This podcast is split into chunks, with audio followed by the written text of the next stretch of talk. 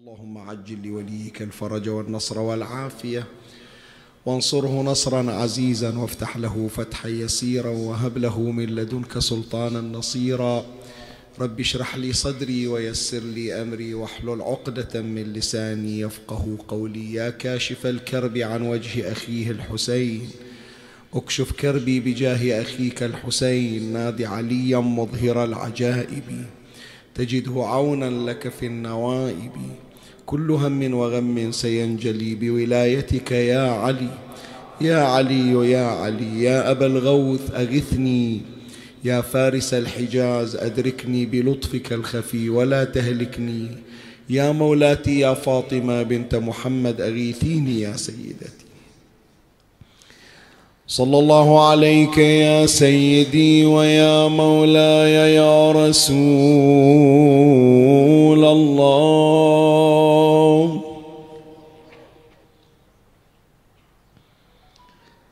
صلى الله عليك وعلى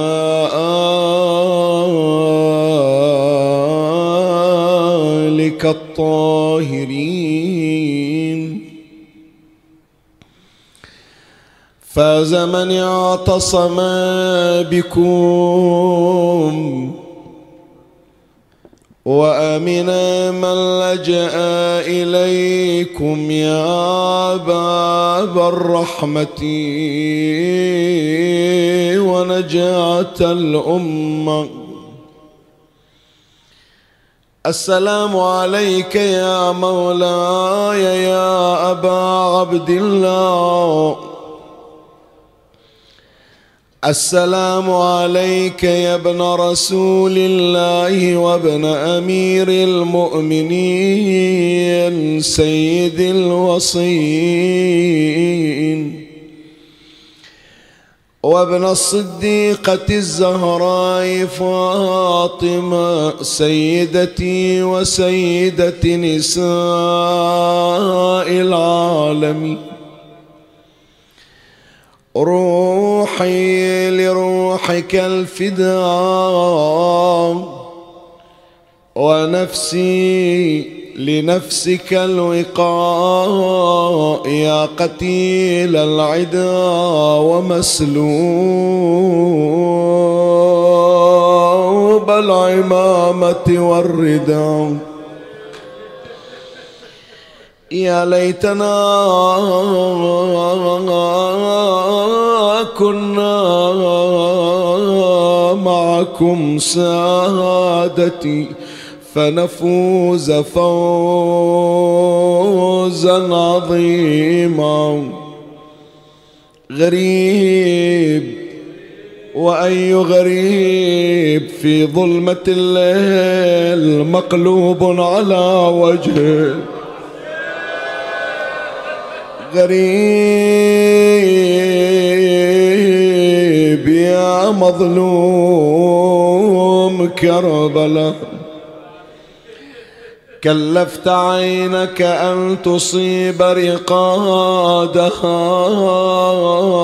وحديث عاشور أطال سهادها. رزء كفى الإسلام أن مصابه لبست به بنت النبي سوادها. وكريمة خفت ومن العجائب وهي جد كثيرة. ومن العجائب وهي جد كثيرة بالطف تفترس الظباء آسادها وكريمة وكريمة خفت لصوت جواده وكريمة خفت لصوت جواده فإذا به ينعى الحسين جوادها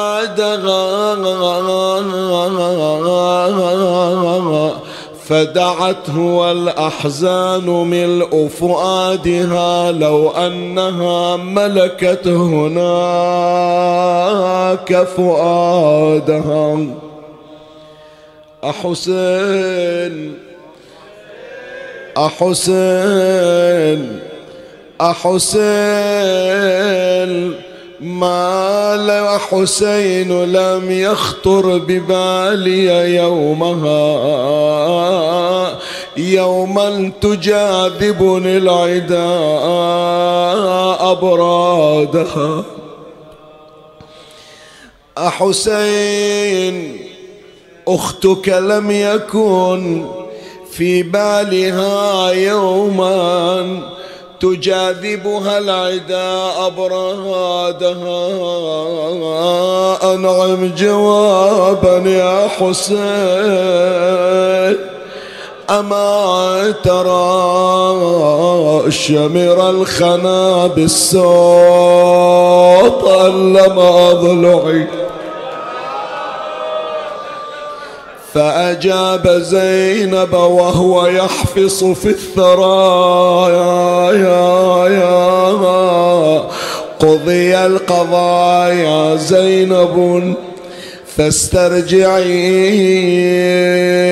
وتكفلي حال اليتامى وانظري ما كنت أصنع في حماهم فاصنعي.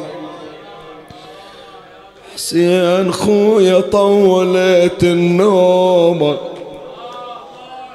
حسين خويا طولت النوم. شلون أجيلك والطرق ملزومه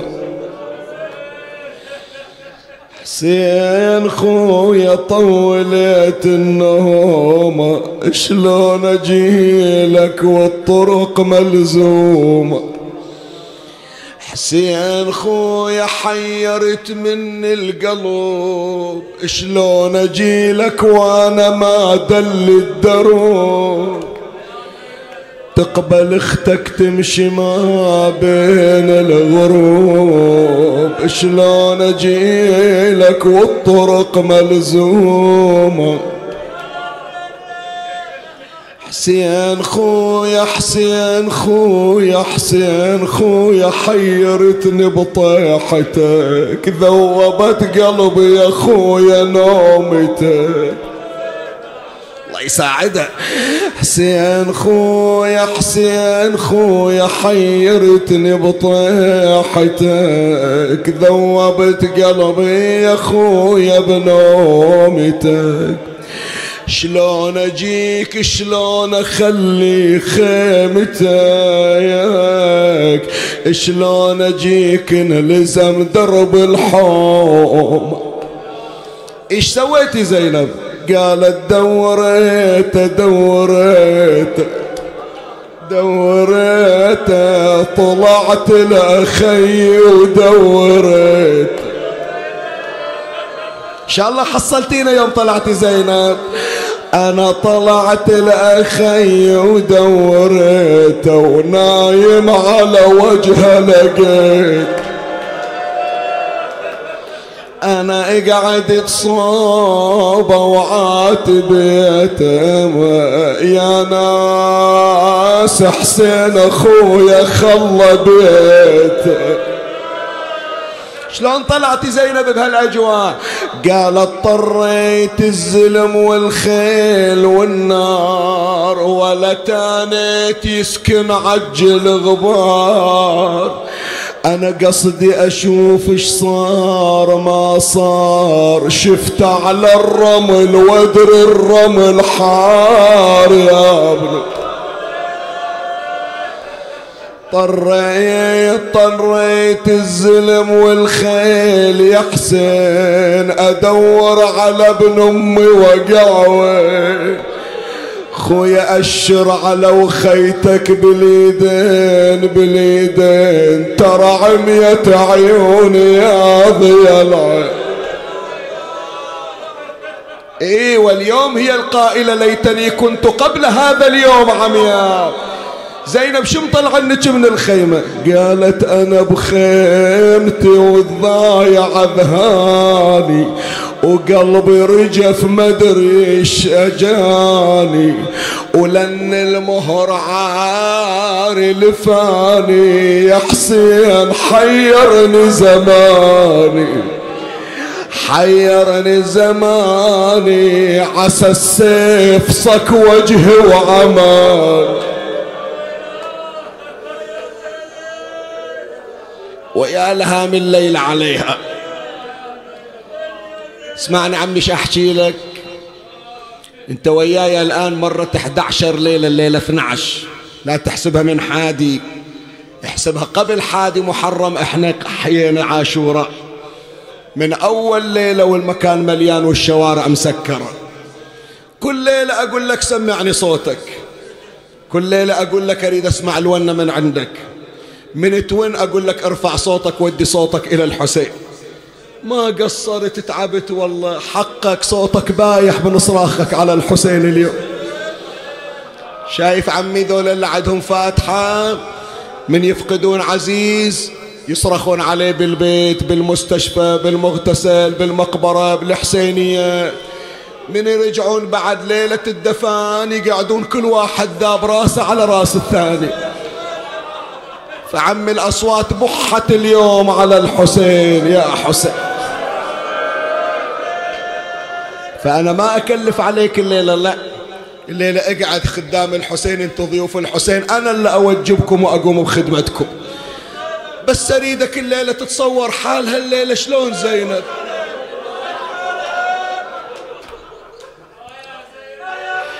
ليلة لا هي مصرع ولا هي صراخ ولا عويل. الليلة خيال وتصور الليلة مظلمة واثنين وسبعين جنازة وصوت يتلوع على الظهر.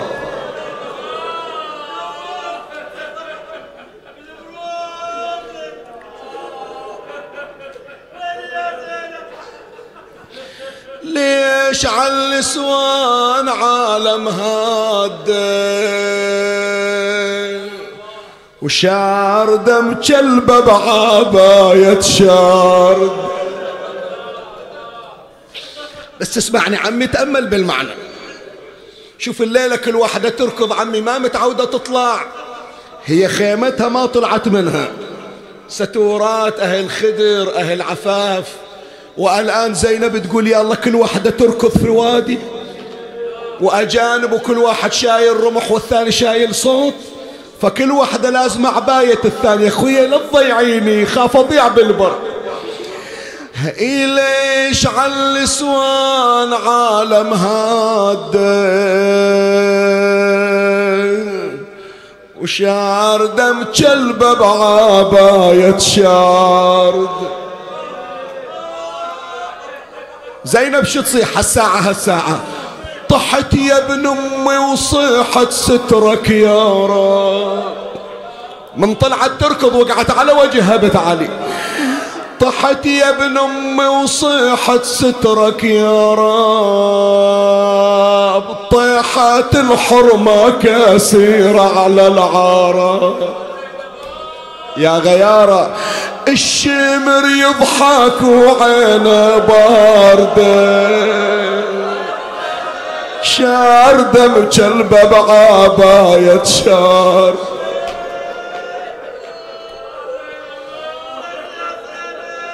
الشمر يضحك يا أخوي على البنات.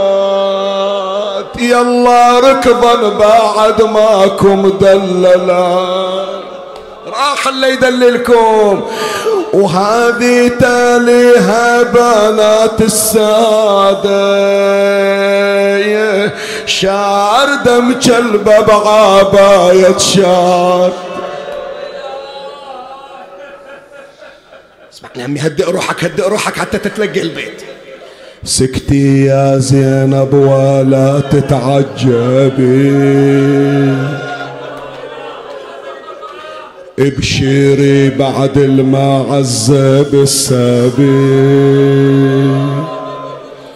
قومي يا زينب على الناقة اركبي والباس حبال الأسر وقياده. الله يا زينب. سكتي يا زينب ولا تتعجبي.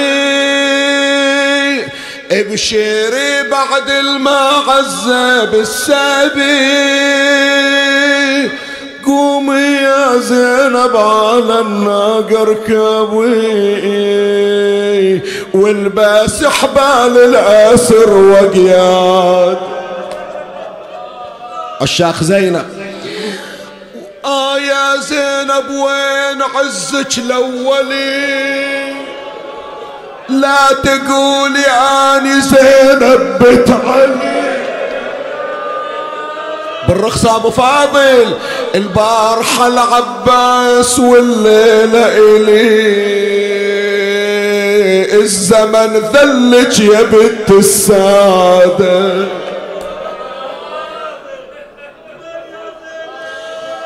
أصبحت واشبال الهواشم حولي وقوف.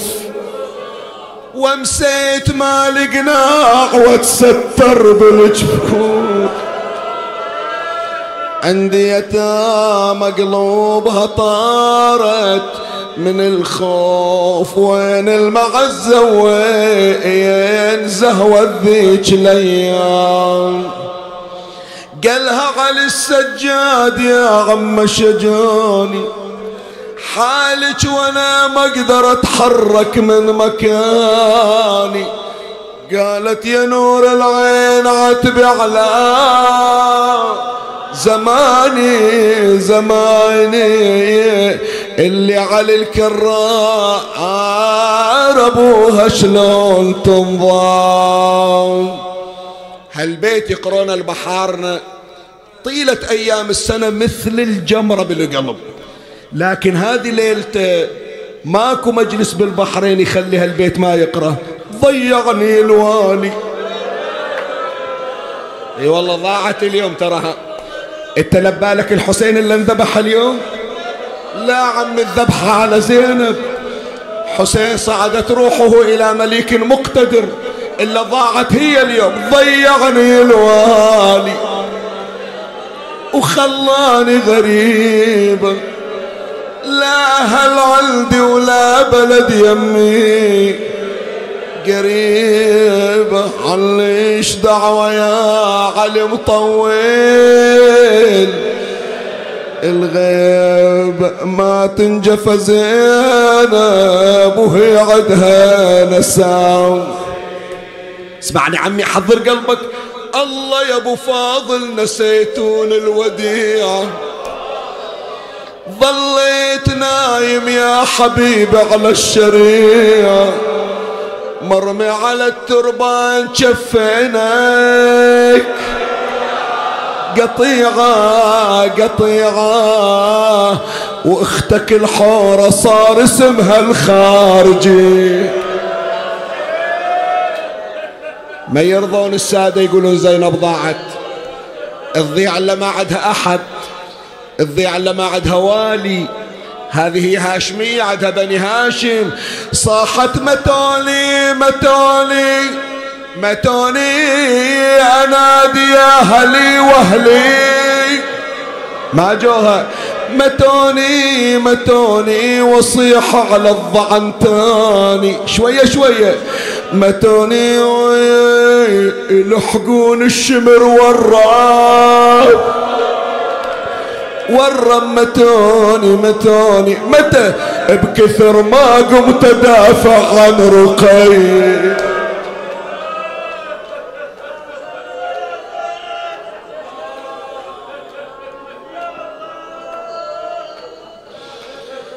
إنا لله وإنا إليه راجعون. قال إمامنا محمد بن علي الباقر صلوات الله وسلامه عليه. وكان إبراهيم رجلا غيورا لذكر إمامنا الحسين بن علي. صلوات الله عليهما في ختام هذا الموسم الشريف. هدية منا إليه ثلاثا بأعلى الأصوات الصلوات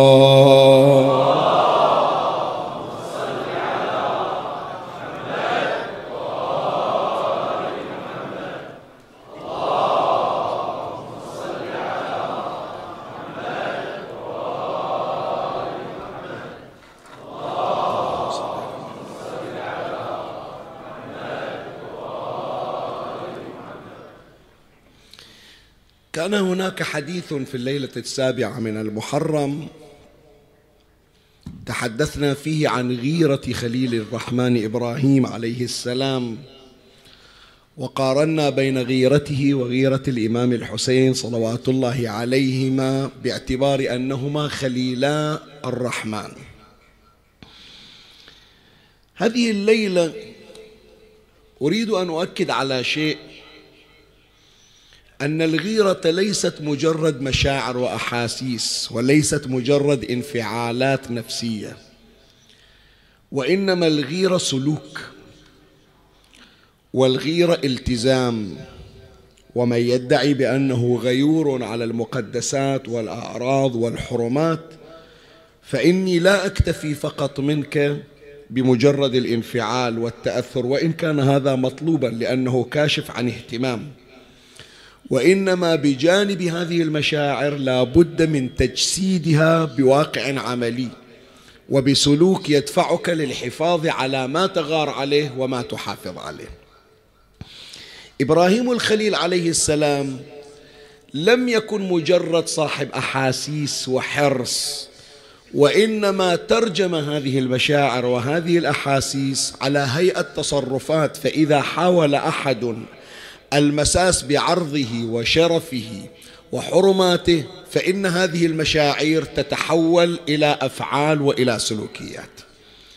وهنا يا أحبتي قبل انقضاء هذا الموسم أسأل الله تبارك وتعالى أن لا يفرق بيننا وبينكم على مائدة أهل البيت عليهم السلام. كل دعوة ندعيها سواء كانت خاصة بأنفسنا أو للمحيطين بنا أو حتى في المجتمع حينما أدعي الحرص على بلدتي على منطقتي حينما أدعي بأني الحامي والراعي لوطني ولمنطقتي هذه الأحاسيس لا ينبغي أن تقف على مستوى الكلمات فحسب وإنما لابد أن يكون لك سلوك ولا بد أن يكون لك فعل ولا بد أن تكون لك بصمات. تكون مصداقية لألفاظك التي تدعي من خلالها الحرص. أنت لعلك تعلق على حادثة جرت في بلدك لا ترضاها. ترى أمرا لا تريده في بلدك في منطقتك. تطبق هذه المشاعر على مستوى تعليقات وعلى مستوى تذييلات. تدخل على بعض من وسائل التواصل الاجتماعي تملأ ما شئت من الحروف والأسطر. نعم قرأت لك التعليق وقرأت انتقادك وعلمت أنك حريص وتحمل مشاعر. بقي أن تبرهن لي بفعلك. أرني ماذا صنعت. أرني كيف هو حرصك على بلدك كفرد. ولا أحتاج إلى أن تكتب لي أنك فعلت كذا وكذا وتصدر لي قائمة. فإن كل واحد منا لو فعل فعلا واحدا في يومه لبلده لوطنه لمنطقته لأسرته لنفسه لوجدنا بأن عملية الإصلاح في البلدان قد قد تحققت من غير طنطنة ولا جعجعة. أخاف أن أقول أننا مجرد ظاهرة صوتية أو ظاهرة كتابية.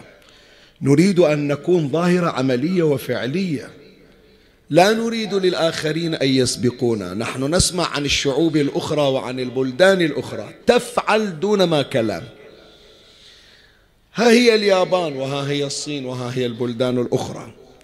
لا يحتاجون إلى تعليقات ولا يحتاجون إلى كم من الانتقادات وإنما يؤدي كل واحد منهم دوره. ولما فعل كل دوره من التنظيم والنظافة والاهتمام بالعمل صارت بلدانهم سباقة على مستوى الانتظام وعلى مستوى الرتابة إذا بقينا فقط على مستوى الطنطنة والكلمات لا أقول بأن النقد والمعالجة ليست سليمتين ليستا سليمتين وإنما أقول أنا بحاجة إلى فعل بجانب القول والفعل يكون أقوى من القول. إبراهيم الخليل لم يمشي في الطرقات ويقول أنا غيور أنا غيور أنا غيور. وإنما رأوا أثر غيرته في فعله. فهنالك جاءت التسمية له بأنه غيور دون أن يقول أني غيور. وهنا بعد هذه الإطلالة سوف أشير إلى سلوك الخليلين إبراهيم والحسين عليهما السلام. كيف كان إبراهيم الخليل مدافعا عن النساء ترجم غيرته إلى دفاع عن نسائه وعن حرماته وعن عرضه. وكذلك هو الإمام الحسين عليه السلام. إحنا طبعا قايل لك هذه الليالي ليالي رثاء وليالي حداد وليالي مصاب وليالي تعزية. بس حتى ما نقطع السلسلة التي ابتدأناها لأن هذا هم من حق أهل البيت علينا سلام الله عليهم ومن حق الأنبياء. فسأشير إلى شاهدين في دقائق يسيرة جدا. صورة تبين حماية الخليل الأول إبراهيم للنساء. كيف كان يحمي عرضه؟ وكيف كان سلوكه في غيرته فعلا؟ كيف كان يدافع عن زوجته؟ وفي الصورة الثانية سنقف عند الخليل الثاني وهو الحسين ابن علي عليه السلام. كيف كان يدافع حسين عن نسائه؟ وسنرى أي الدفاعين أرقى من الآخر. دفاع إبراهيم أم دفاع الحسين عليه السلام؟ هذا ما أود أن أشير إليه سريعا ومن الله أستمد العون والتوفيق ومن مولاي أبي الفضل العباس المدد ومنكم ألتمس الدعاء. وثلاثا بأعلى الأصوات صلوا على محمد وآل محمد.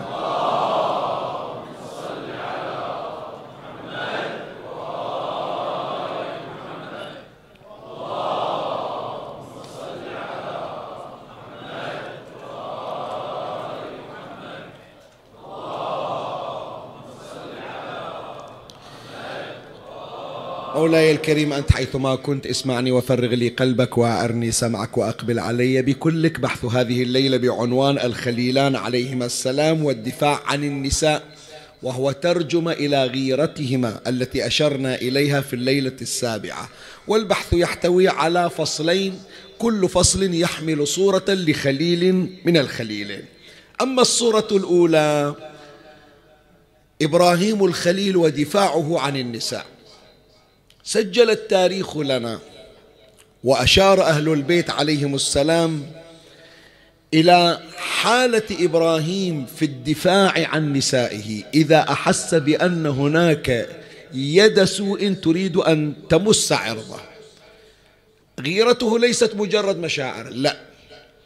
وإنما قام بفعل المستحيل من أجل المحافظة على أسرته. هل تعلم بأن إبراهيم كان من حرصه على زوجته خصوصا لما علم بأنه لابد أن يمضي إلى مصر؟ ولابد أن يأخذ زوجته معه وسمع أن أهل مصر لا يدخل أحد إليهم ومعه امرأة إلا ويقومون بتفتيش المرأة وقد تمد الأيدي إلى المرأة. وإبراهيم غيور. غيرته لم تتوقف عند المشاعر. فالإمام الصادق عليه السلام في الرواية يقول بأن إبراهيم صنع تابوتا صندوقا ليخبئ فيه زوجته والغرض أن لا يصل أحد إلى زوجته بسوء وهي سارة. فعلا قام بصنع ذلك الصندوق ووضع زوجته ليمررها دون أن تتعرض إلى الأذى. ويكشف لك مقدار حرصه على حماية عرضه وزوجته. عند نقطة التفتيش في تلك البلدة استوقفهم الصندوق الذي يحمله إبراهيم الخليل. فيسألون طبعا نبي هذا ما يكذب حشاه الكذب ما يقول لهم شيء آخر؟ يوم سألوه ماذا يحوي هذا الصندوق؟ ماذا يحوي هذا التابوت؟ قال حرمتي وابن خالتي وابنة خالتي. أنا ما أكذب عليكم. قالوا إذا تفتح لأنه إحنا عندنا أحكام خاصة بالنسبة للنساء. النساء لابد أن تنقل إلى الملك. يطلع عليهن وإذا استحسن امرأة اختصها لنفسه. قال أنا ما أسمح أن أحدا أنا ما حطيتها بالصندوق إلا حتى واحد ما يشوفها فضلا أن يلمسها شلون ما أقبل هذا الكلام. هذه الحالة نقلها الإمام الصادق عليه السلام والرواية في بحار الأنوار الجزء 12 صفحة 46 قال الإمام الصادق عليه السلام فحملوا إبراهيم عليه السلام والتابوت وجميع ما كان معه حتى أدخل على الملك. يعني يوم رفض إبراهيم أن يسلم الصندوق الذي فيه زوجته إبراهيم وأبى أن ينظر أحد إلى زوجته أو يمد يده إليها. قالوا إذا ناخذك أنت والصندوق وما معك إلى الملك ليفصل في الأمر. فحملوا إبراهيم عليه السلام والتابوت وجميع ما كان معه حتى أدخل على الملك. فقال له الملك افتح التابوت. فقال له إبراهيم عليه السلام أيها الملك إن فيه حرمتي وب... إن فيه حرمتي وبنت خالتي وأنا مفتد فتحه بجميع ما معي. أنا ترى ما حطيته بالصندوق إلا أريد أستر عرضي. فأنت شو تريد مقابل مالي؟ إيش ما عندي راح أعطيك. بس خلي لي عرضي لا تطلع على زوجتي. زوجتي ما حد اطلع عليها. الملك أصر إلا أن يرى سارة يقول الإمام الصادق عليه السلام قال فغصب الملك إبراهيم على فتحه. فلما رأى سارة يعني انفتح الصندوق فلما رأى سارة لم يملك حلمه سفهه أن مد يده إليها. يريد يمسك زوجة نبي الله إبراهيم. طيب إبراهيم صاحب قوة مر علينا تتذكرون؟ كسر الأصنام القرآن وصف إليه. بالأخير هذا فرد واحد. والإنسان المدافع عن عرضه مستعد أن يموت من أجل عرضه. ليش خلاه؟ أكو إشارة مهمة تهمنا في هذا الكلام. ما نريد نتجاوزها ليش إبراهيم اللي كسر الأصنام وتحدى شعبه؟ بل وتحدى أكبر طاغية في شعبه وهو النمرود. يوم كسر الأصنام يدري بأنه راح يجون ويحاسبونه ويدري بأنه راح يودونه إلى النمرود ويدري بأن النمرود سيوقع عليه أقصى العقوبات. فإذا إبراهيم عنده قوة تمام؟ يوم عندك قوة ليش ما دافعت عن عرضك إلى أن تموت دون عرضك خو أنت حاطنا بالصندوق. شوف ماذا يقول الإمام الصادق عليه السلام. قال فلما رأى سارة لم يملك حلمه سفهه أن مد يده إليها فأعرض إبراهيم عليه السلام وجهه عنها وعنه غيرة منه. كل اللي سواه أنه دار وجهه. قال ما أقدر أشوف شلون يد تمد إلى زوجتي. ليش على الأقل مثل ما كسر الصنم كسر يد الملك؟ تدري شنو الفائدة؟ يذكرنا بواحد يا إخواني جاءته وصية من الله عز وجل. حال ضرب زوجته. من هو؟ أمير المؤمنين. سلام الله عليه. يعني. لا تجلب إلي وتمسك قصة أمير المؤمنين وتعتبرها بأنها نادرة من مفتريات الشيعة. ترى عندنا شواهد في قصص الأنبياء ما أكثرها.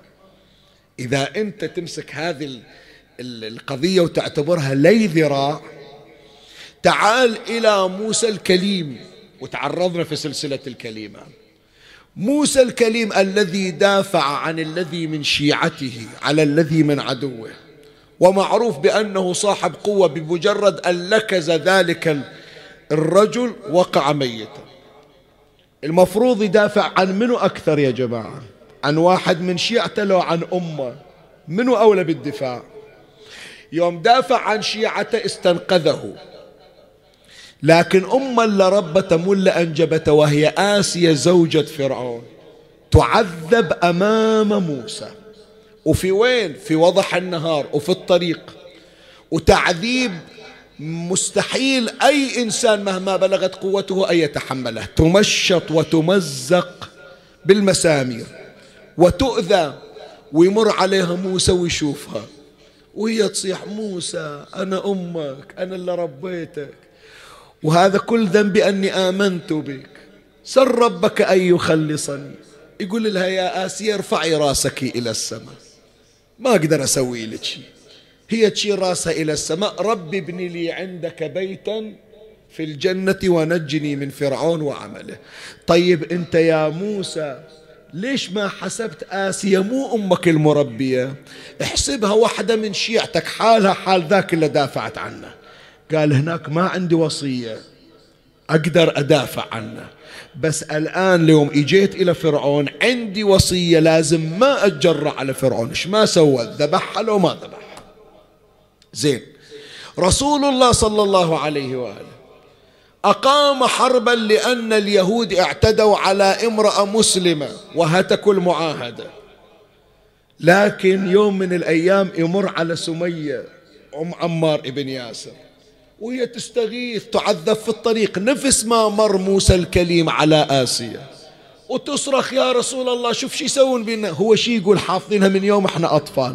صبرا آل ياسر إن موعدكم الجنة. مو هذا اللي مر علينا؟ طيب. هل يقول مسلم بأن رسول الله لا غيرة له؟ أحد يتجرأ؟ يقول ذيك الساعة النبي ما عنده غيرة. أحد يقول رسول الله جبان حاشاه ذيك الساعة. لو سيد القوة. شو اللي منع النبي؟ إلا منع النبي هو الذي منع موسى وهو الذي منع إبراهيم موسى بأن لا يتعدى ليوري السر إلى الملك. السر اللي عند إبراهيم وعند موسى وعند رسول الله هو عند أمير المؤمنين سلام الله عليه. ذيك الساعة ملزم أمير المؤمنين بالصبر. هذا ما نعتقده. طيب فإبراهيم الخليل يلتفت إلى الملك يقول ليش ما تريد أنا أعطيك بس عرضي خلى قال لا إلا أشوفها. يوم فتح الصندوق وهم أن يمد يده. إبراهيم كل اللي سواه أنه أعرض بوجهه. فوق الإعراض إيش سوى؟ يقول الإمام الصادق عليه السلام فأعرض إبراهيم عليه السلام وجهه عنها وعنه يعني لا يقدر يشوف مرته واحد يحط إيده عليها ولا يقدر يشوف واحد يريد يمد إيده على مرته. وأعرض فأعرض إبراهيم وجهه عنها وعنه غيرة منه. وقال اللهم احبس يده عن حرمتي وابنة خالتي. كل اللي صار من عنده شنو؟ دعا الله يا ربي ما أريد واحد يحط إيده على زوجتي. وفعلا مرت علينا الرواية الله مسك يد الملك ثلاث مرات والملك علم بأن هذا شخص متصل بالسماء. فلهذا خلى عنه وعن زوجته. أكثر من هذا إبراهيم ما قدر يسوي. هذا الخليل الأول وهذه كيفية دفاعه. نعم حافظ عليها لكن يوم مأمور من الله كل اللي سواه دار بوجهه. تعال إلى الخليل الثاني. تعال إلى صاحب هذا اليوم. شوف إلى اللحظات الأخيرة. وقد قتل دفاعا عن شرفه وعن عرضه. وسجلها التاريخ للحسين بحيث حتى أشد الناس عداء للحسين شهد للحسين بأنه ما دافع أحد عن نساء كدفاع الحسين عن نساء. أنقل لك هذا مسك الختام حتى تختم مجلسنا. الرواية في بحار الأنوار الجزء 45 صفحة 51 يوم إجوا الحسين عليه السلام كان مغشا عليه ثلاث ساعات من النهار هذا اليوم. وكل قد أحجم عن الإقدام عن ال... إلى الحسين. كل واحد خايف من الحسين. واحد يقول مسوينها مكيدة واحد يقول ادنا من عنده وشوف. شمر الضبابي قال أنا عندي خطة. تريدون تعرفون الحسين على قيد الحياة أو فارق الحياة؟ خلنا نهجم على خيامة. يوم كنا يوم كانوا هم واقفين يم المخيمات ما نقدر نوصل. الآن خلاص الرجال راحت وآخر الرجال الحسين وهذا الحسين واقع. والخندق المحفور داير مدار المخيم بوابته صارت مفتوحة. الآن نقتحم المخيمات. وإذا الحسين سمع صوت واحدة من نسائه حتى لو روحها تريد تطلع. أنا أعرف غيرته أبو علي. غيور اطلع صرخة واحدة من زينب تخليه يقوم. فعلا غارت الخيل على مخيمات الحسين عليه السلام. وخرجت ابنة علي ظهيرة هذا اليوم وصعدت على التل المعروف باسمها. شوف صيحة زينب إيش سوت بالحسين عليه السلام. قال فصاح بهم ويحكم يا شيعة آل أبي سفيان. إن لم يكن لكم دين وكنتم لا تخافون المعاد فكونوا أحرارا في دنياكم وارجعوا إلى أحسابكم إن كنتم أعرابا أو قال إذ كنتم أعرابا فناداه شمر ما تقول يا ابن فاطمة شو تريد؟ قال أقول أنا الذي أقاتلكم وتقاتلوني والنساء ليس عليهن جناح فامنعوا عتاتكم عتاتكم وعن التعرض لحرمي ما دمت حيا. فقال شمر اسمع شوف شهادة القاسي. فقال شمر إليكم عن حرم الرجل فاقصدوه في نفسه فلعمري له كفء كريم. خلاص عمي مجلس انتهى أنا. مجلس انتهى بينت لك دفاع إبراهيم الخليل عن نساء وبينت لك دفاع الحسين عن نساء إبراهيم كل اللي سواه بأنه يا رب خلص مرتي عند حرمة واحدة. وهذه المرأة التي تسمع عنها سارة تتشرف أن تكون خادمة لزينب بنت علي. حقك يعني. بلا مزايدة ولا مبالغة. خديجة بنت خويلد يوم راح تنجب فاطمة الزهراء نزلنا عليها أربع نسوة سمر طوال سألت من أنتن قالت أنا سارة زوجة إبراهيم. جئت لأقبل منك فاطمة خدامة إلى أم حسين هذه اللي تسمع عنها زوجة إبراهيم. تخدم زينب. ونزلت إلى زينب في أكثر من موطن خصوصا في الشام. مرة واحدة عند إبراهيم دافع عنها قال يا ربي خلص حرمتي وبنت خالتي. حسين عند زينب. حسين عند ريحة علي. حسين عند لبؤة علي.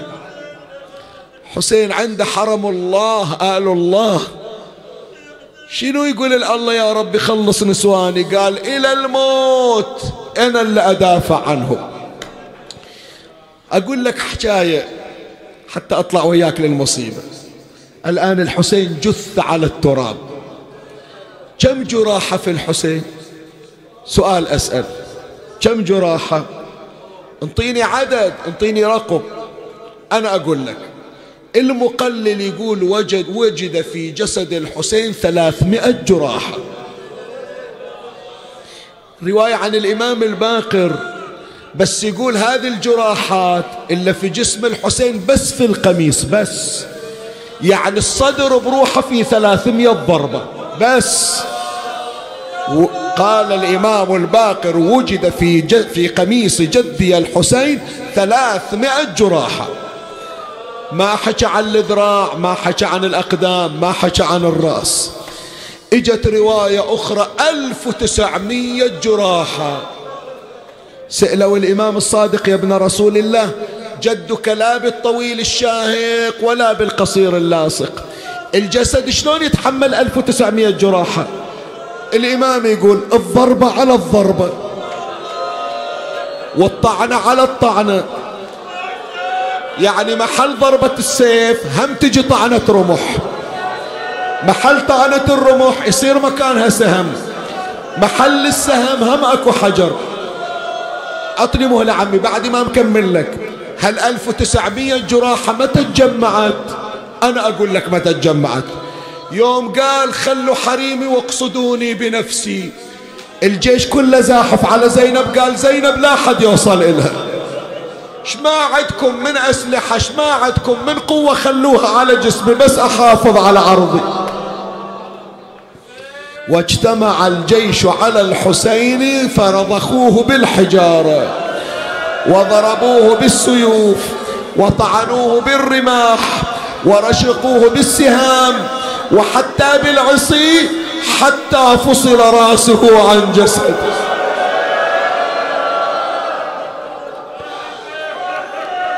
حسين شهيد الغيرة. حسين هو المدافع عن النساء وعن الشرف. زين سلمة النساء عقب الحسين. غير عاطلكم عهد قال اللي تريدون سووا بجسمي حتى عقب الموت بس خلوا حريمي. وبينما زينب وأخوات زينب في المخيمات وإذا الصوت حرقوا بيوت الظالمين. وأضرموا في خبائهم النار. النسوان قاعدات عمي كل واحدة حاطة طفلها بحضنها. جو مرعب. شوية وإذا النار وصلت إلى الخيمة. بيت شعر هذا. صارت قطع النار توقع على راس العلوية. شو تسوي من الخوف؟ تاخذ طفلها تطلع تروح الخيمة المجاورة. تدق الباب توقف عند الخيمة. خيتي اخذيني وياك ترى خيمتي احترقت. تقعد العلوية بالخيمة الثانية. توصل النار للخيمة الثانية. تحترق الخيمة الثانية المجموعتين تروح إلى خيمة ثالثة. حتى احترقت جميع الخيام. وآخر خيمة خيمة زين العابدين. مولاتي زينب قاعدة متربعة وراس زين العابدين بحضنها والإمام مغمى عليه. شوية وإذا سجف الخيمة ارتفع. طبت الرباب طبت ليلى طبت رملة طبت ام كلثوم. إجت سكينة إجن البنيات فضة خادمتهم. صارت لك ذيك الخيمة قطعة لحم. الكتف بالكتف وزين العابدين مغمى عليه. وصلت النار إلى خيمة الإمام. قامت النار توقع هذا الشعر يحترق ويوقع يوقع على العلويات الطفل يصرخ الضمة الأم إلى صدرها. والإمام مغمى عليه دنقت زينب على وجه زين العابدين. بني علي فتح عينك حبيبي أريد أحكي وياك. قامت تحرك رأس الإمام فتح عينه. طالع الإمام وإذا نسوان أطفال. إيش صاير عمه قالت يا ابن أخي النار أحرقت خلخلها دبرنا أبو محمد شو نسوي؟ إذا مكتوب علينا الموت أنا عقب اللي شفت اليوم الظهر ما أريد الحياة يا نور عيني قال لا مسؤولية عندنا المشروع باقي. زي شو نسوي؟ قال عليكن بالفرار في البيت. عمي أنتوا أهل الولاية. ادري تعبانين الليلة. بس أنتوا صرختوا اسمع إيش أقول لك. صرختوا على مسلم. صرختوا على العباس. صرخت على القاسم. صرخت على علي الأكبر. صرخت على الرضيع. اليوم بحت الأصوات على الحسين. عمي باقي هالغريبة الليلة لا تنحرم من الصرخة. أريد صيحة تستاهلها زينب من عندكم؟ تفتت زينب للنسوان. نسوان شلون راح تطلعن؟ قال لها مولاتي نفتح الباب ونطلع. كلنا قطار واحد. قالت لا تصير هدف لا مزقنا الخيمة وكل واحدة تاخذ وادي. مزقنا الخيمة يا الله. والأعداء قد داروا على الخيام فإذا خرجت العلوية صفقوها على وجهها.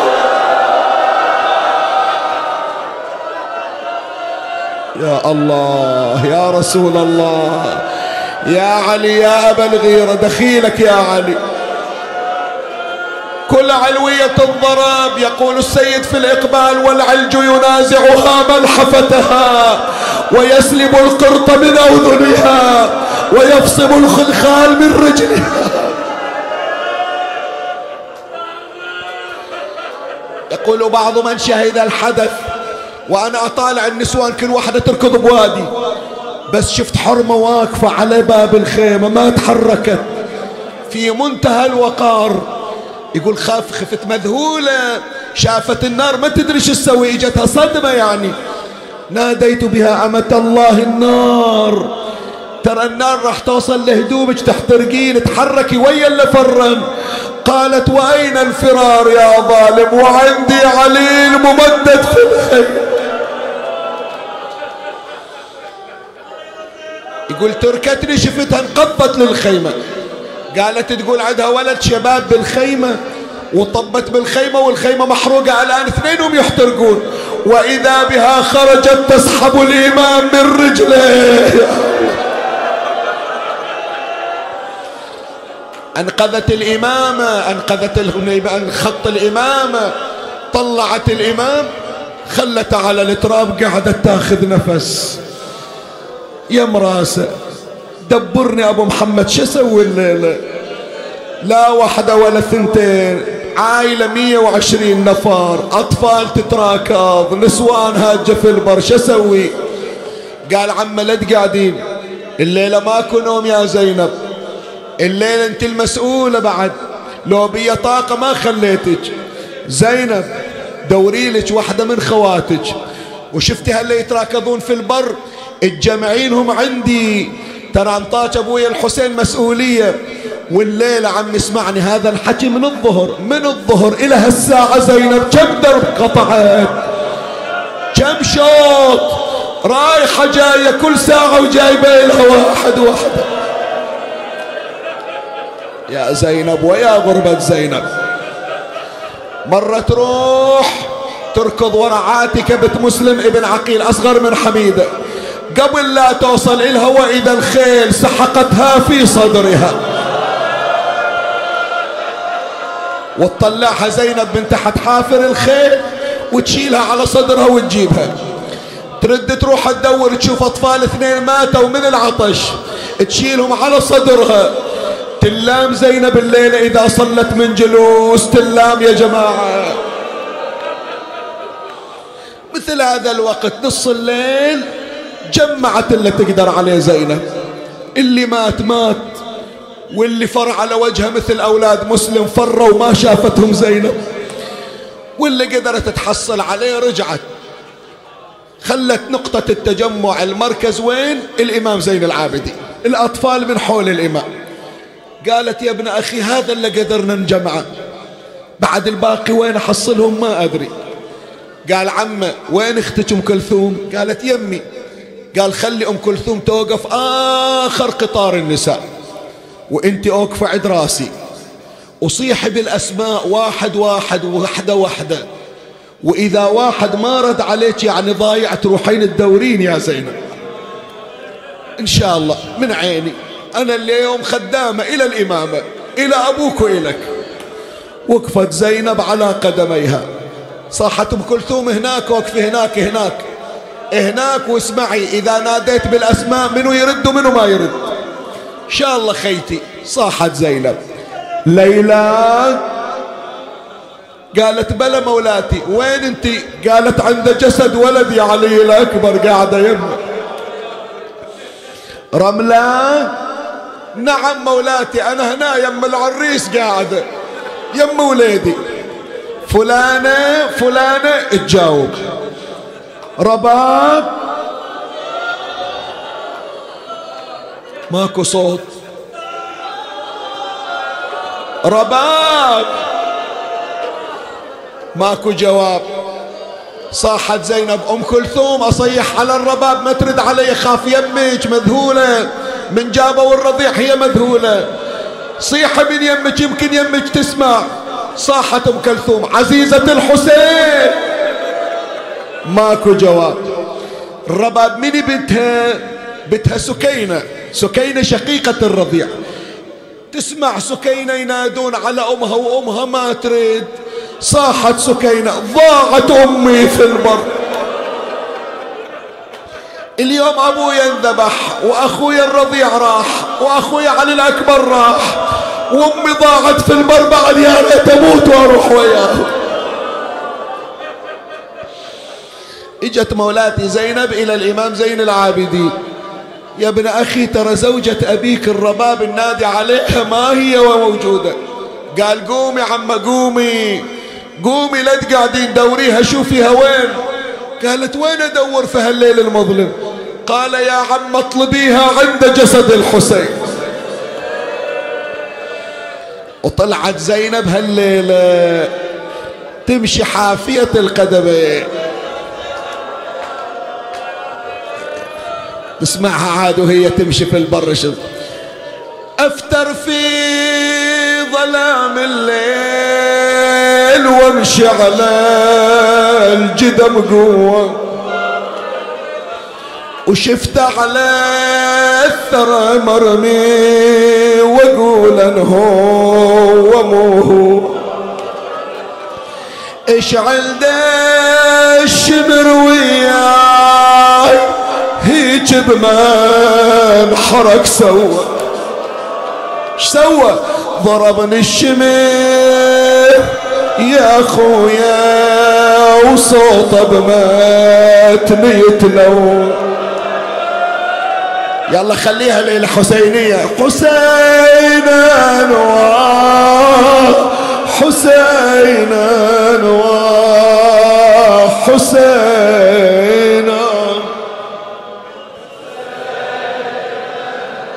إيه هذه اللي حتصير بهالكثيرة هذه.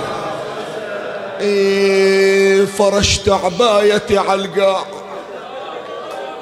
يوم العاشر بعاشور وقمت أجمع وصاله وشفت الشم ضلع مكسور. لا مدنق راسي خليه يشيل راسي. شوف إيش أسوي تاني خذ راحتك. أنا شفت شوية من قلبين وشفت الخنصر المبتور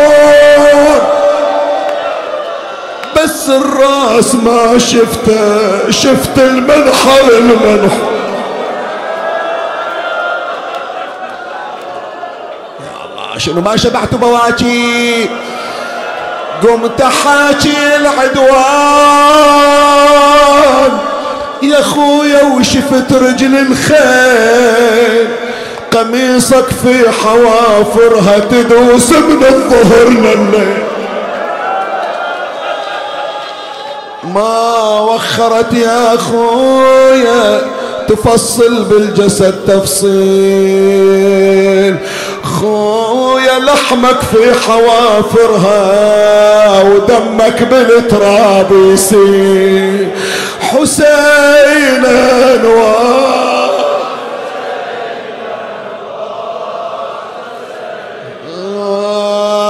حسين انوار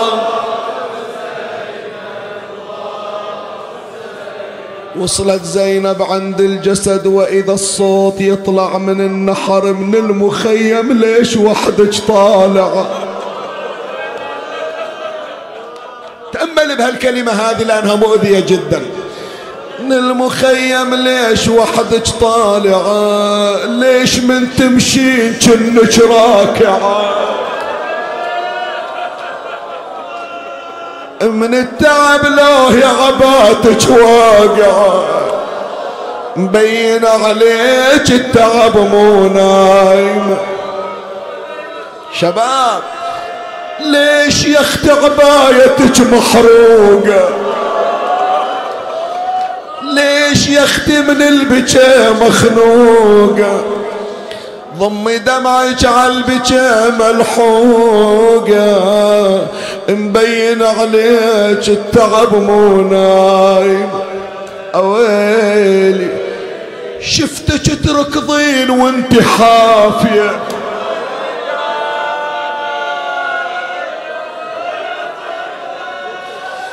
ما أدري بهالركضة هذه الليلة زينب كم مرة وقعت على وجهها. شفتك تركضين وانتي حافيه وشفتك التل يا زينب غافية. في البرار النوم ما بعافيه مبين عليك التعب مو نايم. الله يعينك يا زينب الليلة الدنيا ما هي الدنيا مي مقلوبة لكن مايلة البيت اللي وراه ما أقرأ. لو ما ملزوم أجيبه كان ما أقرأ. الدنيا مي مقلوبة لكن مايلة الشمر جاكم راس أخوكم شايل.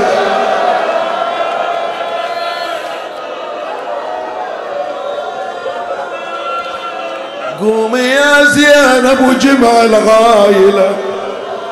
الليلة سهرانة عزيزة فاطمة. تحيرت الليلة زينب. خلاص عمي راح أختم المجلس.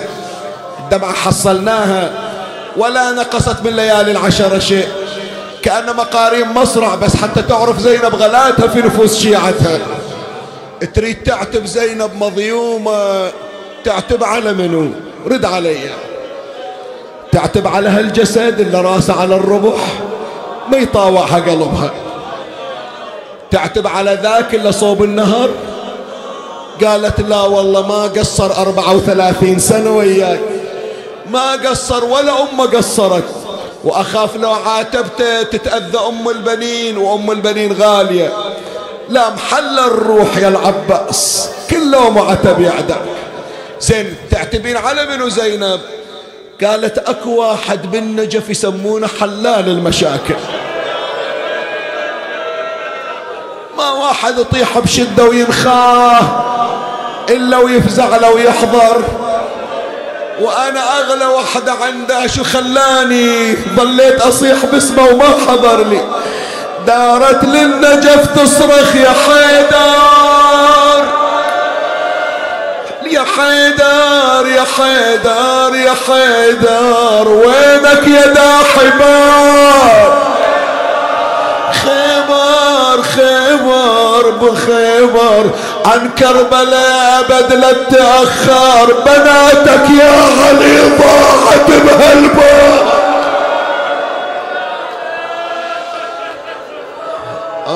آه حيدر يا أبويا ما تجينا وتشوفنا شلون انسبينا زينب تقول سبايا ونتستر بدينا والناس تتفرج. علينا وأخويا الحسين ذابح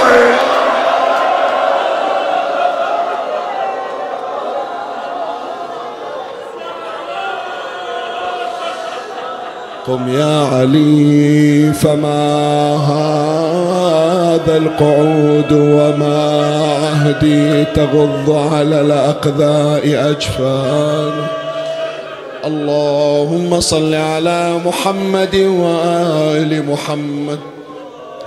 يا قاضي الحاجات يا مجيب الدعوات يا سامع الشكايات اسمع لنا واستجب يا الله.